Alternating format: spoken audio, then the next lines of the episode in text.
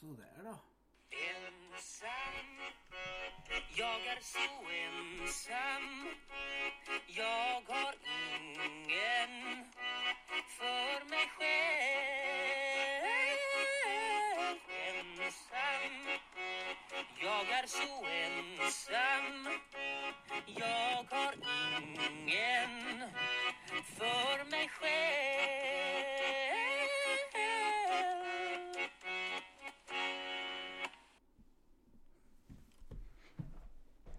Hallå? Tjena.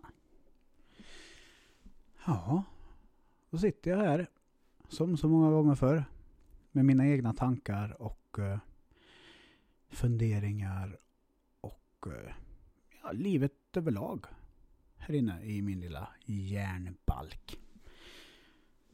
Jag tänkte att jag kan väl lika gärna trycka på, trycka på record that motherfucking shit och eh, låta er åka med på resan. Eh, jag har ju sagt det, jag sa det senast också, att eh, jag har försökt att gå tillbaka eh, och försöka ta reda på vart det börjar gå snett för mig eh, med den psykiska ohälsan. Och det finns ett datum, alltså det var ju snitt, det har varit snett hela mitt liv i och för sig, men det finns ett datum som är signifikt när jag vet att okej, okay, där började det verkligen krångla för mig. På riktigt, riktigt krångla, inte bara krångla lite grann utan där, där kan jag gå tillbaka till och veta att okej, okay, det här var inte stenbra då. Och det är min eh, sons födelsedag. Den 20 november 2020. Och tack vare att eh, brallan fyller år så vet jag att det var 20 november. Annars hade jag, alltså jag lägger inte märke till datum på det sättet. Utan det är mer sådär, okej. Okay. Det är brallans födelsedag. Eh, nu händer det här. Okej. Okay. Vad pratar jag om då? Och jag pratar om min kära axelskada. När eh, jag och eh, Robson var ute och åkte lite elsparkcykel. En jättefin dag. Eh, ni gamla OGs som har lyssnat på mig i poddsammanhang länge vet ESG. Electric Scooter Gang. Brapp, brapp, säg det dem. Fucking brapp, brapp. Jag och Robin hade bestämt att, nej fan, blir bra väder då tar vi en tur på elsparkcyklarna och bara susar runt lite. Så det gjorde vi. Jag åkte hem till eh, han på Romsta. Eh, fulladdad batteri i skotern. Parkerade bilen där och inga konstigheter. Eller jag parkerar faktiskt inte hos honom. Jag parkerar faktiskt på Coops parkeringsplats eh, vid Romsta. Eh, vi åkte ut, åkte lite skoter, drog ner till stan. Eh, drog en fika på Espresso House. Satt och törade lite skit om absolut ingenting. Möter upp grek i viken.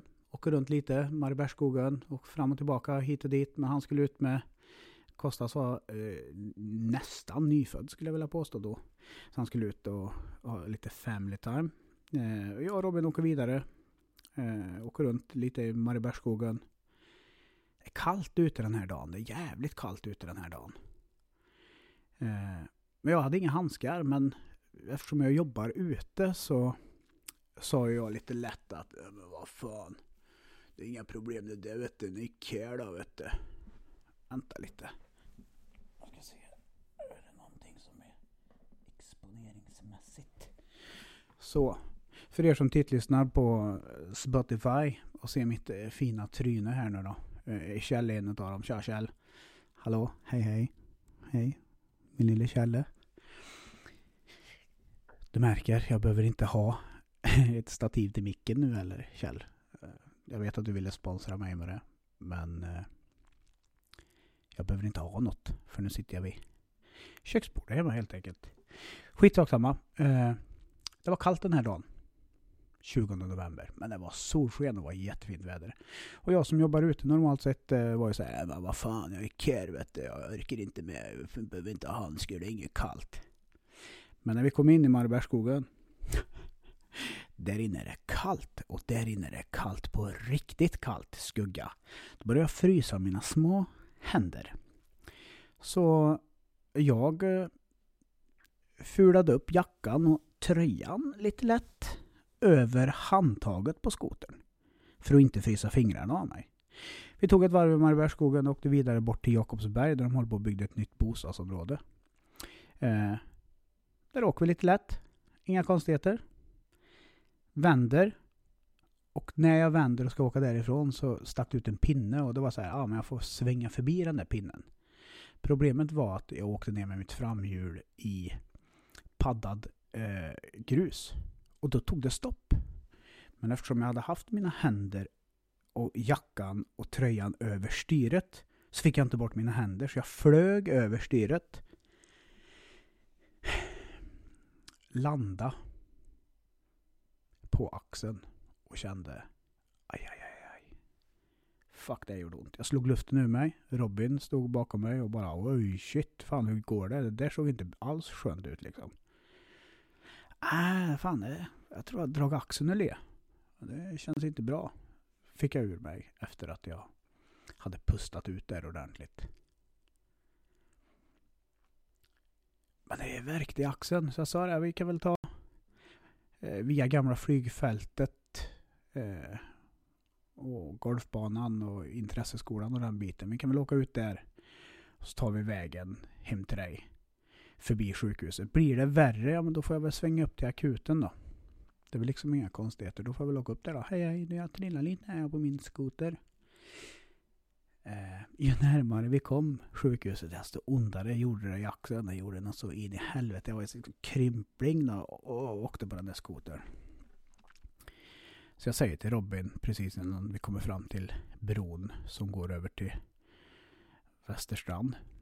Eh, över Klarälven så säger jag du jag svänger upp till akuten egentligen snabbis. Kommer in där. Eh, och blir undersökt. Och det första läkaren säger till mig, du, jämt så att du vet, det där är tvär av det. Eh, jag kommer tillbaka till dig sen. Så satt jag där och visste att okej, okay, jag har brutit något. Vad vet jag inte. Men någonting har jag brutit i alla fall. För han sa att det var tvär av. Eh, blir uppskickad till röntgen. De röntgar mig. Kommer tillbaka till läkaren. Får reda på att du har en ja vad kallar han det? En eh, fraktur i klavinkel, du har en klavinkelfraktur. Och jag bara okej, okay, ja, ja det, det, är väl lugnt. Eh, jag skulle rekommendera dig, Daniel, en operation för att det här ska bli bra. Men eh, jag kan inte tvinga dig och då säger jag till han, det här är en fredag. Det är klart som fan vi köper en operation. Det är väl inga bekymmer. Kör väl en operation? Ja visst, det får väl vara så då. Eh, han säger Jag återkommer på måndag om tid. Okej. Okay. Så ta den här metallan eh, Alvedon Ipren och hem så ringer jag på måndag så bokar vi in en operationstid. Ja, kanon, säger jag. Det blir väl perfekt. Då får vi ordning på den här laxen. Framför mig på bordet här så har jag skrivit ut papper. Eh, från min journal på 1177. Det är papper från den 20 november 2020. Och för er som tittlyssnar så kan jag säga att det är inte ett papper. Och här någonstans börjar min allvarliga del av psykisk ohälsa, skulle jag nog vilja påstå. Eh, åker hem, sätter mig, väntar. Tyvärr då så eh, var det väl här också som vi gled isär, jag och mitt ex. Men jag tänker inte gå in på varför, men eh, tillfälligheter gjorde att vi fick laga oss själva på varsitt håll liksom. Så här någonstans tror jag att det också barkar ur. Men hur som i alla fall. Eh, jag sitter där hemma. Har ont som fan. Och känner att äh, det här är inte bra liksom. Operation på måndag. Ja. I min journal. Som jag har skrivit ut. Så skriver Lars Söderqvist, min kära läkare.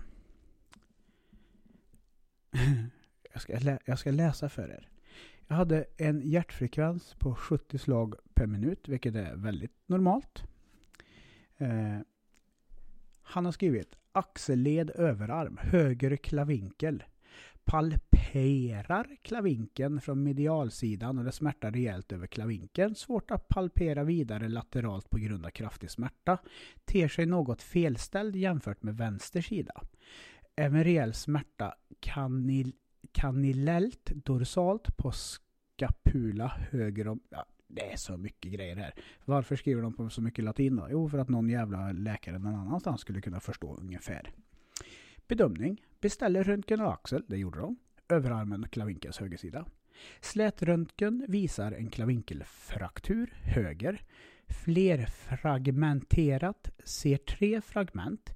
En rejält lateral fraktur och dislokerad. Alltså jag det är ju en ur, urle också såklart. Ingen hotande hudperformation. Alltså det, benet stack ut. Ni som, jag kan visa hur det ser ut nu för er som ser på detta. Det syns knappt. Benet är här. Ja, skitsamma. Eh, då stack benet upp mer. Men det var ingen hotande att det skulle gå igenom huden. Ringer och diskuterar med bakjouren. Med tanke på frakturutseende är detta sannolikt ett operationsfall. Beslutar att vi operationsanmäler patienten och skyltar bilderna för kollegiet på måndag. Ja, det gjorde de. För på måndag ringer han mig. Och så säger han. Hallå! Tjena, det var Lars på ortopeden. Ja, hej. Mm. Eh, vi har gått igenom här i läkarteamet och vi beslutar att vi ger det åtta veckor och ser ifall det kan läka ihop ändå. För du vet, ju mindre man skär, desto bättre är det ju. Det är ju liksom, det är ju så. Läker det sig självt så är det bättre att vi opererar. Och jag blev ställd och bara så här, okej. Okay. Ska jag sitta här hemma i åtta veckor nu? Va? Jaha. Ja, nej men det, det, vi är överens om det här så att vi ger det åtta veckor. Hans anteckning var Frakturen operationsanmäldes av mig i fredags. Idag diskussion på morgonmötet angående behandling. Axelkollegorna förespråkar konservativ behandling i första hand. Om stora besvär äh, om stora besvär kan man göra en lateral resektion senare. Alltså, okej. Okay. Så color and cuff smärtlindrande syfte i 2-3 veckor. Få ta ur Eh, Rörelseträna, rörelse och träna, uppmanar att gå till fysioterapeuten, bla bla bla. Ringer och meddelar operationscentrum att patienten stryks. Ringer därefter upp patienten och meddelar planen. Han är eh, väsentligen välmående, inga stora smärtor, smärtlindrar med paracetamol och Ipren. Patienten arbetar som frisör, alltså barberare, som egenföretagare samt är timvikarie på PIP. Har tidigare varit fastanställd på PIP tills i somras då han startade eget som barberare. Sjukskriver patienten 4-5 veckor. Här någonstans började det. Det var liksom... Det var nog här det började. För är det någonting som jag har lärt mig och någonting jag läser på min journal här nu som är väldigt, väldigt tydligt så är det att när osäkerhet finns så blir jag stressad. Stressen gör att jag får kortisol. För er som inte vet vad kortisol är så är det ett ämne i kroppen, ett stresshormon som stiger till höjden. Som gör en förgiftad inombords till slut. Här satt jag stressad över att mitt ex var i en situation som jag inte alls tyckte var roligt på något sätt. Kunde inte göra något för jag var helt förstörd själv. Så att det stressade mig. Men jag tänkte, ja, får ge de här åtta veckorna. Efter åtta veckor så säger de till mig. Nej Daniel, du vet, vi, vi, vi ger det åtta veckor till. Så får vi se om det blir bättre. Okej, okay, då pratar vi 16 veckor. 16 veckor av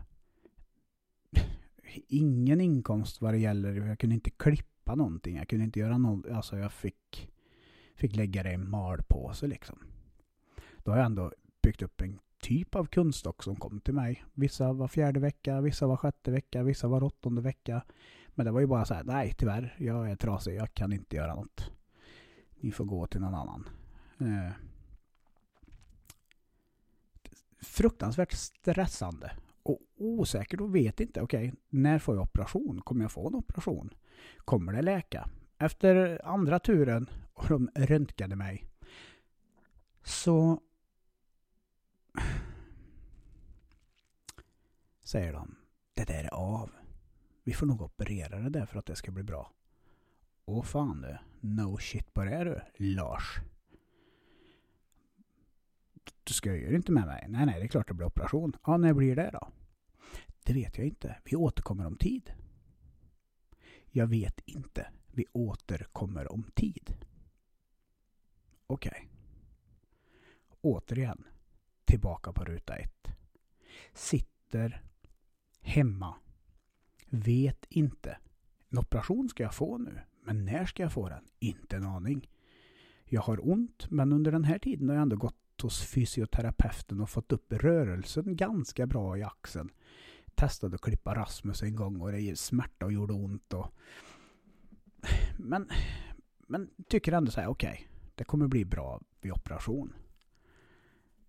Eh, januari, jul. Januari, februari, mars, april, maj går. Jag är trasig. I maj kan jag ändå röra axeln hyfsat bra. Så att jag klarar av att jobba om det är ett lättare jobb. Eh, vilket jag kontaktar pip och säger Hallå där, finns det något lättare jobb för mig i sommar så skulle jag kunna ta det. Och Discodan säger till mig Ja, jag tror jag har en grej som kan passa dig. Du får vara här istället. Och sen får du vara där några veckor. Ja, ja, det är inga problem. Så länge, jag inte, så länge inte det finns risk att jag måste konfrontera någon eller göra någonting så är det inte ett bekymmer. Eh, jag åker till första stället, jobbar där någon vecka. Allt går jättebra. Det var också där som jag träffade på Simon som gav mig smeknamnet Gas Devone. När jag läste fel på gastyfon. Vad är det här gastyfon då? Vad sa du? vad är det här gastyfon för något? Och Simon tittade på mig och bara, du menar gastyfon? Aha, aha, menar jag. Gastyfon är det. Är sånt som ljuder när det kommer gas. När man trycker på det. Aha, då fattar jag. Den gastyfon-grejen. ni som har följt med ett tag, ni vet historien kring det. Annars så, kolla på Spotify och YouTube. Gastyfon, Lil Dick. Tyckte det var görroligt att lägga till Lil Dick. För jag tyckte det lät mer hiphop. Gasly phone Lil Dick. Sommaren kommer då som sagt var. Eh, jag får jobba hela den sommaren. Eh, första stället trivs jättebra. För jag gick ifrån att sitta i ett soffhörn. Gå från duschen tillbaka till soffhörnet. Kolla på Gold Rush. Började alltså på avsnitt 1, episod 1. Säsong 1 och streckbench-kollade fucking Gold Rush. Gick till duschen, gick till köket, gick tillbaka till soffan. Slutade med att jag fick svamp i ljumskarna. Såhär liggsårssvamp som gamla pensionärer får. Så jag lyckades dra på mig en svampinfektion när jag satt där under täcket. Inte jättenöjd. Också fruktansvärt ovisst om framtiden. Stressande som fan. Kortisolnivåerna eh, skyhöga. Eh, jag jobbar på första stället. Jag jobbar på andra stället. Andra stället eh, får jag reda på att nu ska du med dig upplärning här. Men vad fan, jag kan ju inte skiten än. Jag hade ju allt jag ägde och hade instruktionsmässigt vad jag skulle komma ihåg på papper själv. Men nej, men du ska, du ska lära dig nu. Det ska du göra. Okej, och du ska lära upp. Okej. Första dagen, upplärningen. Sker en incident. Eh, som har med gas. Med gas att göra. Eh, vilket skickade mig i stresskonen något så grönjävligt. Som länsan skulle ha sagt. Men jag skickades i stresskonen så jävla långt ner. Så jag kände att eh, jag funkade inte. Inte överhuvudtaget skulle jag vilja påstå. Eh, jag gjorde mitt jobb, givetvis. Eh, och jag gjorde allting by the book. Och jag gjorde allting rätt. Eh, av min dåvarande organisation fick jag höra vilken jävla tur det var du Danne. Fan vilken tur det var du som var där så det inte var sommarvikarie. Du har ändå erfarenhet. Ja, men jag gick ju sönder också. Ja, men det var ju tur det var du. Det är inte bättre att vi hade skickat en sommarvikarie åt helvete kände jag spontant. Men nej. Eh, det blev en incident där jag varken visste om två av mina arbetskamrater levde eller inte.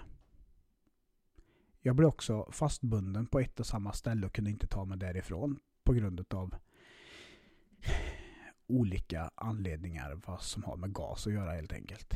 Eh, det var inte bara jag som blev drabbad. Eller mina, jag blev inte drabbad av själva gasen men mina kollegor blev eh, hosta blod och, och fick åka ambulans. Och ambulanshelikopter kom och det var ett jävla pådrag. All ambulanshelikoptern landar i gasen så att piloten och eh, sjuksköterskan heter det väl, ambulanssjukvårdaren eh, på helikoptern blev också drabbad. Eh, sen försvann de. Eh, in till sjukhuset, eh, strippade av kläderna och eh, gick inte att få tag på med mobiltelefon. Så det tog lång tid innan jag visste om de ens levde eller inte. Och det där stressade mig. Och det som stressade mig mest i det var SOS-operatören jag pratade med. För den tyckte jag, ah, men det, är, det är fara för någons liv, du kan gå ut. Jag kan ju inte gå ut, för det är gas någonstans. Jag vet inte vart gasen är, den är osynlig. Jag sitter på en fast lina, jävla kärring. Men där var jag långt ner i stresskonen. Problemet var att jag nu i efterhand kan jag se att det var dumt att de inte tog mig i tjänst. För jag satt där dagen efter. Med alla de här tankarna. Tur det var jag, för jag har erfarenhet. Ja, det är tur det var jag. Eh, det stressade mig. Så, så in i helvete. Eh, så där blev jag också i, i kortisolnivåer skyrocket. Och nu är det mycket grejer som har legat. Stressen över kommer jag ens kunna ha mitt företag kvar? Kommer jag få en operation? När får jag en operation? Eh, kommer jag eh, ha några kunder kvar som jag har byggt upp eh, under lång tid? Eh, kommer jag kunna jobba extra någon gång så att jag får in ekonomi? Allt det hamnade på mitt ex vilket gjorde att jag kände mig dålig, värdelös och inte tillfreds med våran livssituation. Då jag kände att tröttnar hon på mig nu och drar, då får jag sälja hus och jag, jag och ungarna har ingenstans att bo. Jag har inget jobb, jag vet inte när jag ska... Alltså det var mycket sådana frågeställningar som gick runt inne i mitt huvud. Och det var ingenting jag själv kunde påverka. Tillbaka till den här situationen i eh, en ort, en närheten av Åmål, säger vi. Som... Eh, mm, jag behöver inte säga vart det var. Men... Eh, var innan Åmål i alla fall. På 45an. Eh, de stängde till och med av tågrälsen. Det var gas överallt. Eh, jag är glad att det gick bra för Christian. Jag är glad att det gick bra för Fröken L, säger vi. Hon jobbar fortfarande kvar hos oss. Eh, det gör inte Christian. Eh, så att man får heta Christian, helt enkelt. Eh, jag blev stressad där. Och efter det så började jag bli lite snurrig, kände jag ibland. Så här yrslig och jag tänkte att det kanske är för att jag äter dåligt med mat och Ja, men det var, var inte bra liksom. Sen har jag en vecka ledigt den sommaren. Och den 23 juli ska vi tillsammans med förra podden åka till Varberg. Vi skulle åka till kusten, men det blev Varberg. Skitsamma, det är också kusten, men ja, ni som har lyssnat ett tag eh, vet också den historien. Vi skulle åka till Varberg. Eh, men jag har känt mig snurrig och yrslig och lite sådär ah, hjärtklappning och jag har inte förstått varför ett par dagar. Men tänkte att vad skönt, nu är det semester. Äntligen, nu, nu kan vi åka bort. Så vi packade bilen, jag och X, och åker ner över. Och när vi åker förbi den här orten innan Åmål, där allt skedde med stresskonen och SS-operatören och om jag inte visste om mina kollegor levde eller inte. Eh, så kände jag hur det var någonting som prackade på och jag blev lite så här mm, skev liksom. Fan, eh, ja, ja. Men jag ignorerade det där, körde på.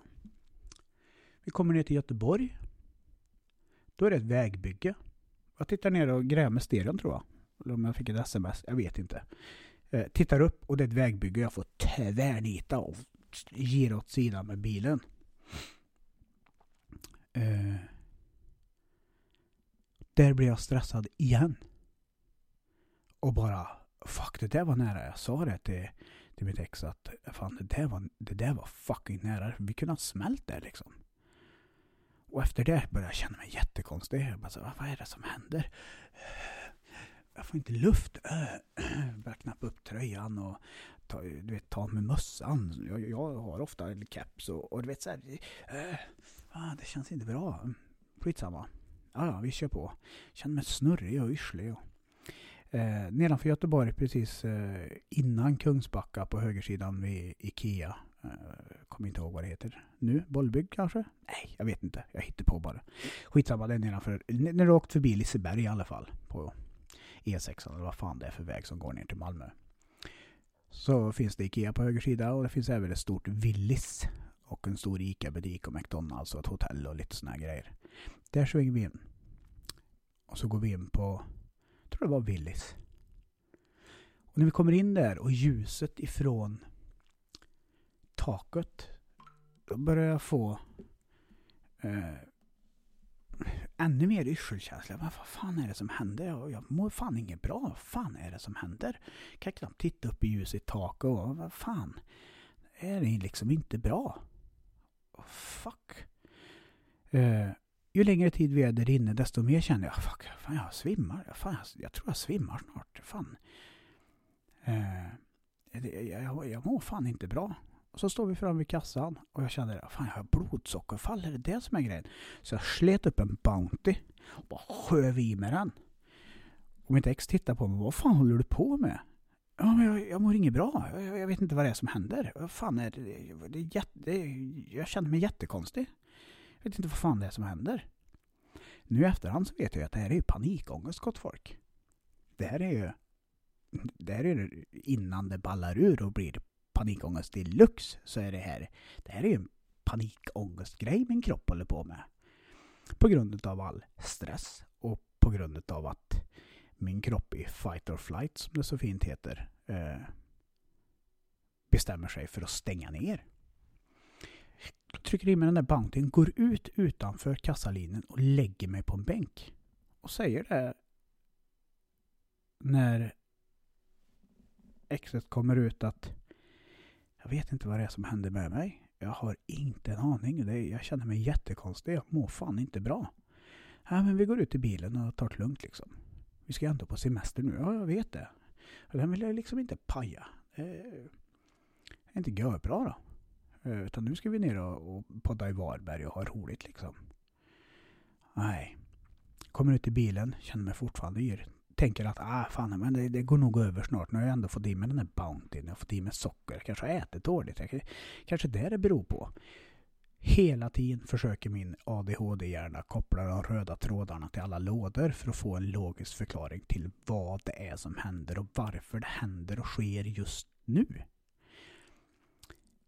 i efterhand så vet jag ju hur det kommer sig att det blev så här såklart. Men det visste jag inte då. Så vi åker ut där då. Säg att det är E6, E20, någon av de här Europavägarna på väg ner mot Varberg.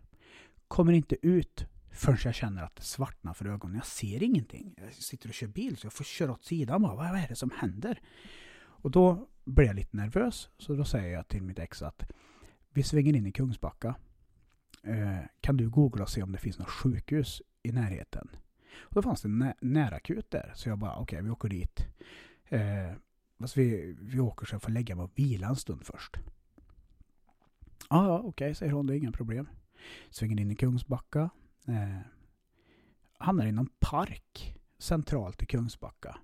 Parkerar bilen, lägger mig på gräsmattan och det bara snurrar. Det är som att jag har druckit 15 öl. Och jag, jag bara snurrar runt. Jag, jag, jag, har knappt någon balans och jag vet inte. Oh, jättekonstigt känner jag mig. Så jag ligger där en 20 minuter, en halvtimme. Det ger sig inte, det bara fortsätter. Efter en timme så börjar det lugna ner sig. Så då sa jag, fan vi får ju gå och försöka käka på någon restaurang så jag får i mig någon mat typ. För jag tror att det, det kan vara boven till det här. Eh, så vi hittar en restaurang, beställer mat och medan jag sitter och väntar på maten så drar det igång igen. Vilket gör att, ah fuck. Uh, fan jag mår inget bra, jag måste fan, jag måste på toan. Och det enda jag tänker är, och de största människorna, största anledningen, eller största anledningen, vart man hittar folk som dör, oftast utomhus, i publika miljöer, är på toaletter. Och jag kände att jag måste gå på toan. Jag mår inget bra. Fuck. Ska jag dö nu när jag kommer till toan? Vad fan är det som händer? Det bara gick runt i huvudet. Sätter mig på toan. Och för er som inte vill höra gore shit, alltså äckliga saker nu. För den här, han kommer säga som det var. Okej. Okay. Spola fram i så fall. Jag börjar bajsa. Och det bara rinner ur mig. Inte som kolasås eller utan mer vattnigt. Det bara rinner ur mig allt som finns. Och det luktar inte skit. Det luktar kemikalier något så in i helvete. Alltså då och då drog det igång ännu värre. Vad fan är det? Varför luktar det så mycket kemikalier? Vad fan har jag fått i mig någonting på den arbetsplatsen jag var på där gasen var? Eller varför luktar det så mycket kemikalier? Och jag kissar. Och jag kissar. Och jag kissar. Och jag har inte en dryp droppe kvar i mig. Överhuvudtaget. Och jag bara skiter ur med allt som är. Kommer ut ifrån toaletten. Svettig och fan, jag vet inte. Jag, jag mår fan inget bra. Alltså, vi får nog fan åka till den här akuten. För jag vet fan inte vad som händer. Eh, mitt ex går med på, ja okej vi får väl åka dit då. Ja, för jag mår ju inget bra. Snälla kan vi bara... Eh, jag vet inte vad som sker. Ja, men vi åker dit då. Åker dit. Blir satt i någon väntekö där. Och eh, då hamnade jag hos Capio i Kungsbak, eh, Kungsbackas närakut. Capio Läkarhuset AB. Eh, anteckningen från läkaren Erik klockan 15.51 den 23 juli är Man som är frisk, dock uttalad rädsla för diabetes då det är på faderns sida. Jag, min biologiska farsa, som inte är min farsa, fast han... Ja, jag har två pappor. Vi kan ta det så. Jag har en som är min pappa och sen har jag en som satte mig i ägget hos eh, statsexan. som inte har varit min far överhuvudtaget. Vänta lite. Jag var tvungen att nysa. Ursäkta. Sånt där klipper man bort egentligen. Men inte jag, för jag klipper inte den här podden. Eh, han hade diabetes. Den eh, eh, biologiska. Min biologiska farfar hade diabetes och hans pappa hade diabetes. Så det där är någonting som, det är inte frågan om jag kommer få utan det är bara när jag kommer få. Eftersom jag hade kissat ganska mycket veckan innan vi åkte ner. Kissa mer än vanligt. Eh, vakna och kissa och kissa mycket. Eh, det har jag förstått nu i efterhand att det är också en sån här kroppen tömmer sig eh, på sina reserver för att kunna fightas eller fly liksom. Eh, så jag sa det att jag, jag vet inte, jag kissar väldigt mycket och, och nu har det här skett. Då har han skrivit sin anteckning. Eh, uttalad rädsla för diabetes eh, på faders sida. Sedan en vecka känt sig konstig i huvudet. Från och till yr. Kissar mycket. Idag haft illaluktande diarré en gång. Tyckt att han känt sig nära att svimma, men har faktiskt inte svimmat. Möjligen lite illamående, men har inte kräkts. Då tog de tester på mig, blodprov. De tog eh, eh pulsen och när jag kom in då, då hade jag en vilopuls på 125. Det är ganska mycket. Mitt blodtryck låg på 143 genom 90. Också ganska mycket. Neurologiskt status från läkaren var att jag var vaken och klar. Pupiller eh, reagerar normalt för ljus. Ögonrörelser normala. Synfält enligt eh, Doners normalt. Motoriken i ansikte eh, normalt. Jag var normal. Eh, lite diffusa symptom. Proverna som är tagna eh, visar något högt värde på glukos. Eh, så hans snabbdiagnos på mig var möjligen i värme med kombination av dehydrering, dehy dehydrating, att jag var uttorkad. Så han sa, ja, ta ett fastesockerprov på vårdcentralen. Åk hem, vila och drick mycket vatten för du är nog uttorkad. Okej. Okay. Jag kände ju inte spontant att jag var uttorkad utan det var något annat som var skevt som jag inte förstod vad det var. Så jag åker hem. Eller ja, det gjorde jag inte. Korkad som jag är. Det skulle jag ha gjort. Jag skulle ha satt mig i bilen, jag skulle ha stått på mig och sagt att nu åker vi hem. Nej, vi åker ner till Varberg. åker lite elskoter, träffar på dem i, i, i Drottninggatan. Törar lite skit. Sen åker vi och sover på ett vandrarhem eh, som var mellan Varberg och Ullared, typ ute i skogen. Gammalt fängelse. Sov där. Och istället för att åka hem på morgonen när jag vaknar för att vila, eh, då drog vi till Ullared. Och där börjar ju allting igen såklart. Folk, ljud, ljuset i taket. Det är någonting som jag kommer återkomma till. För det är någonting som fortfarande förföljer mig i det här. Eh. Så på Ullared så får jag hålla i vagnen för att jag inte ska trilla ihop. Och till slut då så var jag så här, nej nu får vi fan åka hem, det går inte det här. Eh. Och till slut så åkte vi hem. Och där la jag mig och vilade. Men det går inte många dagar, ser ni, gott folk. Så att det var den 23 juli. Jag ska bara kolla i mina fuskpapper. Jajamän, 23 juli. För nästa underbara lapp jag har framför mig. Det är från den 26 juli, tre dagar efter.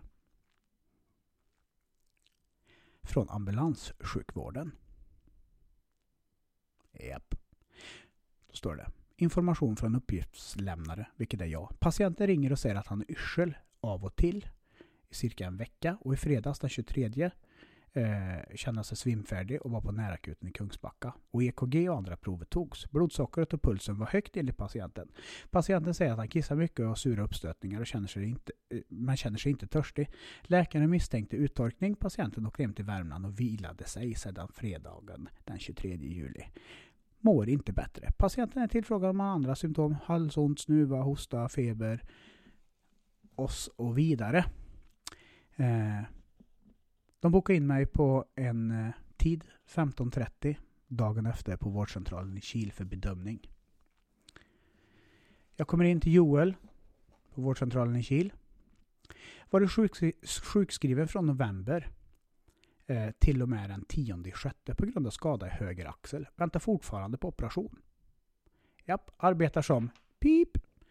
har blivit ganska påfrestande att gå från 0 till 100 vad det gäller arbete. Och det är klart, jag gick från att bencha fucking gold rush till att helt plötsligt ha ett jobb 100%. Det kanske var lite väl mycket för mig, men ja, så är det. Eh, har varit ganska mycket på jobb också, skriver han. Ja, no shit att det har. Det var väldigt mycket där. Speciellt eh, i orten innan Åmål. Under förra veckan kände jag sig lite diffus och yrsel och känt att huvudet inte riktigt hänger med mer. Eh, och gör snabba lägesförändringar med nacken. Alltså, jag kände när jag rörde huvudet att fan, allt glitchade efter. Eh, rörde jag mig åt höger så kände jag hur det... Bup, bup, bup, det liksom nästan blixtrade när jag rörde huvudet. Och det var jätteskevt. Eh, då står det så här sen, och det här är lite roligt. Inte riktigt känt sig med i huvudet vid snabba lägesförändringar med nacken. Eh, inte riktigt känt. Eh, var på väg ner till västkusten i bil för fem dagar sedan. I samband med att han körde bil, kraftig attack av yrsel och var tvungen att stanna bilen. Beskriver det som en blandning mellan ostadighetskänsla, gungighet och karusellkänsla. Blev lite bättre och gick därefter in på en mack. När han stod i kön kom besvären tillbaka. Det var en Willys butik, inte en mack, men skitsamma. Sökte sjukvård akut, man tog EKG-prover, bla bla bla. Tycker inte att det är någon särskild rörelse som utlöser besvären. Nej, det gjorde jag inte. Utan det var ju bara huvudet som var fucked up på mig. Men kände sig ganska stressad över, hela, över det hela och funderar själv på om det kan vara stress som utlöst besvären. Inga hörselbesvär, varit lös i magen, eh, vattentunn diarré och det börjar bli lite bättre. Då gjorde han en kontroll på mig, Joel. Jag fick lägga mig på en bänk för det var så här att kan det vara kristallsjukan? Började de fundera på. Eh, så att han la mig på en bänk och så fick jag du vet, ryckas åt sidan och sådär för att se hur huvudet funkar och det var inte kristallsjukan. Sommaren går. Jag blir inte sjukskriven. Jag jobbar på min heltid. Eh, kommer tillbaka till första stället jag började jobba på innan jag hamnade där gasen var ett problem. Men kände när jag kom in där. Äh, äh, fuck, jag mår inget bra. Äh, shit, vad är det här? Eh, fick liksom låsa upp dörrar och grejer utifall att ambulanspersonalen var tvungen att komma och hämta mig. Eh, för så tänkte min hjärna. Jag kommer trilla ihop här. De kommer hitta mig i en hög här. Och det var så jävla stressande. Och det var stressande över att jag inte visste heller när kommer jag få en operation. Så jag visste att det kommer bli till hösten någon gång, men jag visste inte när det kommer bli. Så därför så sa jag att jag kunde jobba hela sommaren. Eh, så tillbaka, körde fulltid fram till sista augusti. Sen eh, slappnade jag av lite och bara, oh, gött, nu är jag sjukskriven igen på väntan på operation. Så då la sig stressen lite. Men den byggde också upp en stress över operation. Jag har aldrig gillat eh, sprutor, jag har aldrig gillat eh, blodprov. Jag har haft jätteångest för att gå iväg och lämna blodprov. Jag tyckte det har varit superobehagligt. Varit orolig konstant och just oron gör mig stressad. Stressen gör mig sjuk. Så... Ja, den 2 september. Då är jag... Då har jag precis jobbat klart fulltid liksom. Får ett telefonsamtal eh, av Lars Söderqvist, min kära läkare, ortopeden. Den första utav dem. Oj, oj, oj. Det är 43 minuter nu och jag har inte ens kommit in till när det har ballat ur. Eh, har fortfarande mycket besvär med sin högra axel. Ingen kraft i armen. Eh, ovanför axelnivå. Klarar inte alls av frisörarbetet. Nej, det kunde jag inte överhuvudtaget. Så att där kände jag att nej, det kommer ju få läggas ner. Jag kommer ju få lägga ner det här. Jag drog till fucking Dublin och utbildade mig till barberare för att kunna göra något annat i mitt liv. Och nu kommer jag få lägga ner det. Det var verkligen en pungspark, men ja. Smärtar en hel del har kunnat arbeta på ett vikariat på PIP två till tre månader under sommaren, vilket har fungerat skapligt. Vikariatet har gått ut på att han är väldigt rådvillig vad han ska ta sig till. N när vikariatet har gått ut, nu är han väldigt rådvillig till vad han ska ta sig till. Ja, det var stressande som fan. Fruktansvärt. Ja, då, jag har inte ens ett jobb nu. Jag kan inte klippa och jag kan inte gå tillbaka till PIP för att min kropp fungerar inte. Så jag blev satt i något typ av limbo. Och så står det så här. Har fått, och det fick jag den här dagen, en preliminär operationstid den 4 november 2021. Då har vi alltså Sommaren har gått, det är september. Jag ska vänta två månader. Sen är det en operation med Ulf Skoglund, specialistöverläkaren på ortopeden på CSK i Karlstad. Shoutout till dig. Uffe. Han som kom in och pratade med mig första gången och tänkte du sluta och äta som piller du. Eh, så då blev jag sjukskriven. Fram till den 4 november. Frågan är om jag ska dela upp det här. Ja, jag gör det. Jag sätter på paus nu. Eller jag avslutar och så kör vi en del två och så kanske, kanske blir en del tre också. Så.